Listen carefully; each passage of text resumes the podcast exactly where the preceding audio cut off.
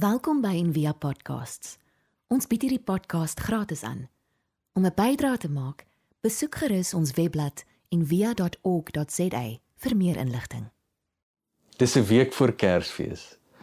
'n Week voor die eerste normale Kersfees in 3 jaar. Ons sit met die vooruitsig van geen inperkingsreëls op die oomblik nie wat ons nie sal weerhou om Kersfees te hou, ehm um, soos wat dit maar voor Covid was nie. So aan die een kant is daar van ons wat verskriklik opgewonde is vir die lekker eet, die samesyn, tyd saam met die familie. En aan die ander kant is daar van ons vir wie dit dalk 'n swaar, meer stresvolle tyd gaan wees.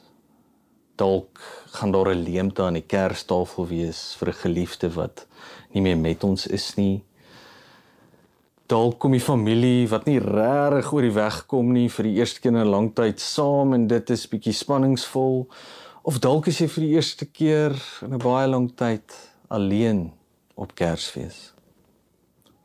Nou ons is groot gemaak om Kersfees altyd deur 'n positiewe lig te sien, om die goeie daarvan te maak.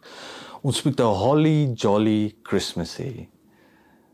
As jy kyk na die advertensieveld tog ter die laaste tyd, is alles op special want daar is net beloftes dat hierdie produk wat hierdie maatskappy verkoop hierdie geluk gaan bring, 'n leemte gaan vul wat ten diepste eintlik 'n leebelofte is.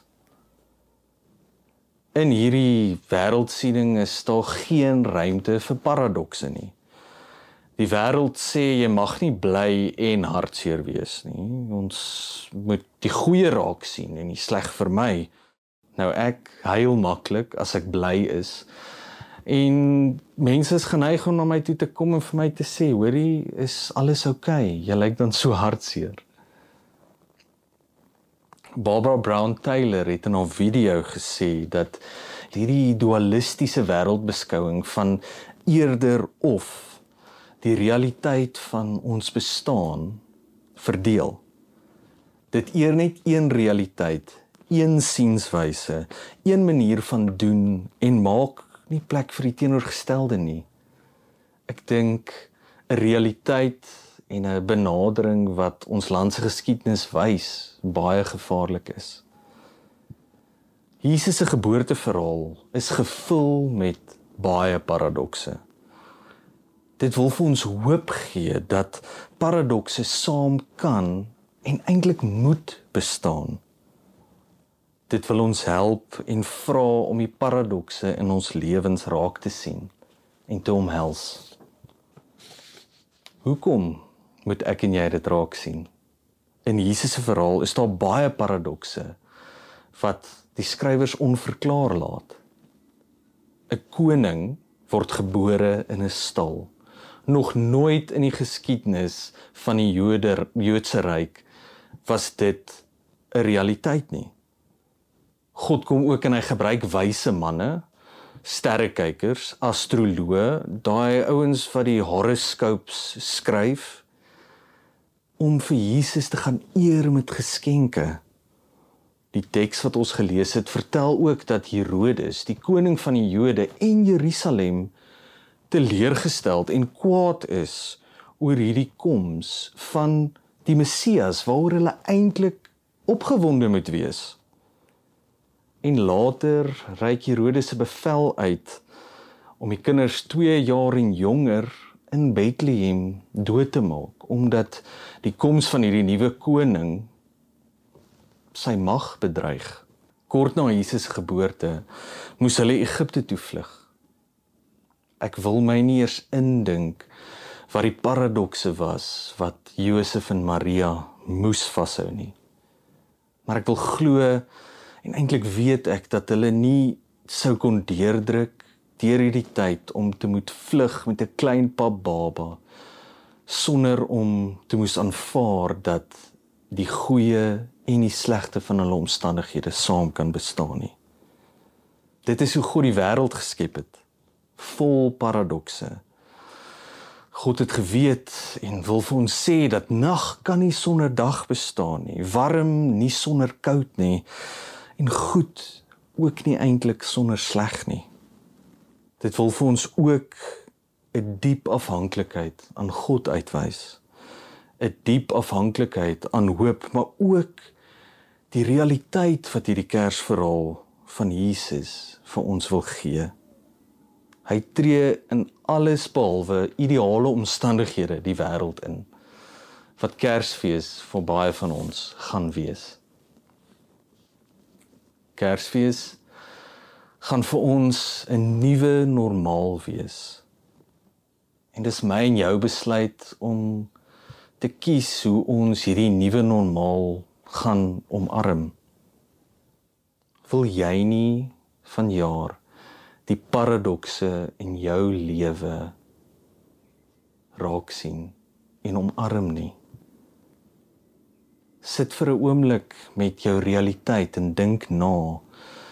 Wat is die teenstrydighede wat ek op hierdie oomblik ervaar? Dalk is jy gelukkig en ook hartseer, heel en ook gebroke, dankbaar en ook leeg, vredevol en ook diep deurmekaar oor waarom dinge is wat dit is dit help altyd om die goeie, die lig, die mooi, die hoopvolle te onthou. Maak nie saak van hoe klein hulle is nie. En dit help ook om pynlik eerlik te wees. Soms is die lewe net vrek moeilik en daar is geen manier waarop ons onsself kan kry om beter te voel nie. Maar die Kersverhaal wil ons leer dat die harde goed steeds teenwoordig kan wees te midde van die goeie. Jesus se geboorteverhaal maak op sommige maniere glad nie sin nie, maar ook sin. Dis lelik. Dis in 'n stal wat stink en is ook mooi en hoopvol. Dis die redder van die wêreld, die een wat veronderstel was om met krag en mag te kom en die wêreld te red, maar dan later sterf aan 'n kruis. Dis 'n raaisel, maar ook eenvoudig. Dit is wat dit is. Een groot teenstrydigheid. En dit is wat ons realiteit ook veronderstel is om te wees. Richard Rohr, 'n groot voorstander van hierdie beide en denke skryf: If you can hold and forgive the contradictions within yourself, you can normally do it everywhere else toe. Jesus vang die wet van die kosmos op deur dit te vereenvoudig in twee gebooie of kom ons sê uitnodigings. Die eerste een is om God lief te hê met ons hele harte, ons hele siel, ons krag en verstand, ons hele wese en dan ook om ons naaste lief te hê soos onsself.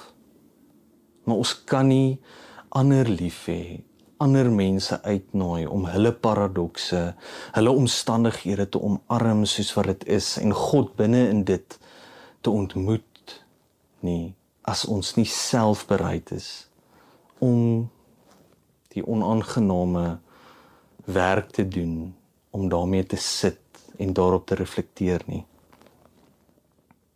soos ons die laaste paar dae voor Kersfees ingaan is my hoop vir jou om hoop in hierdie paradokse te vind.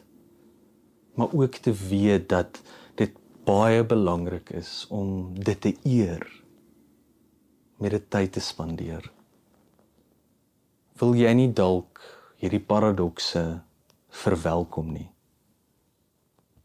Ek wil graag vir ons afsluit met die welkomgebed van Thomas Keating en jy's welkom om hierdie week dalk met die gebed te gaan sit. Dit is op ons web in my blog gepubliseer as jy dit wil bid. Ek gaan dit nou vir ons bid en jy's welkom om te volg of net hierdie gebed te ontvang. Kom ons bid saam. Welkom, welkom, welkom. Ek verwelkom alles wat vandag besoek om af lê, omdat ek weet hulle is u gesande vir my genesing. Ek verwelkom alle gedagtes, gevoelens, gesigte en gebeure. My begeerte na beheer en mag, die gee ek oor vandag. My drang na aanvaarding, status, goedkeuring en plesier, dit laat ek hier. My verlange na oorlewing en sekuriteit, die druk om enige gedagte, gevoel, gesig, gebeurtenis, selfs my eie geskiedenis te verander. Ek bring dit alles voor U. Ek maak myself oop vir U liefde, U teenwoordigheid en U beweging in en om my.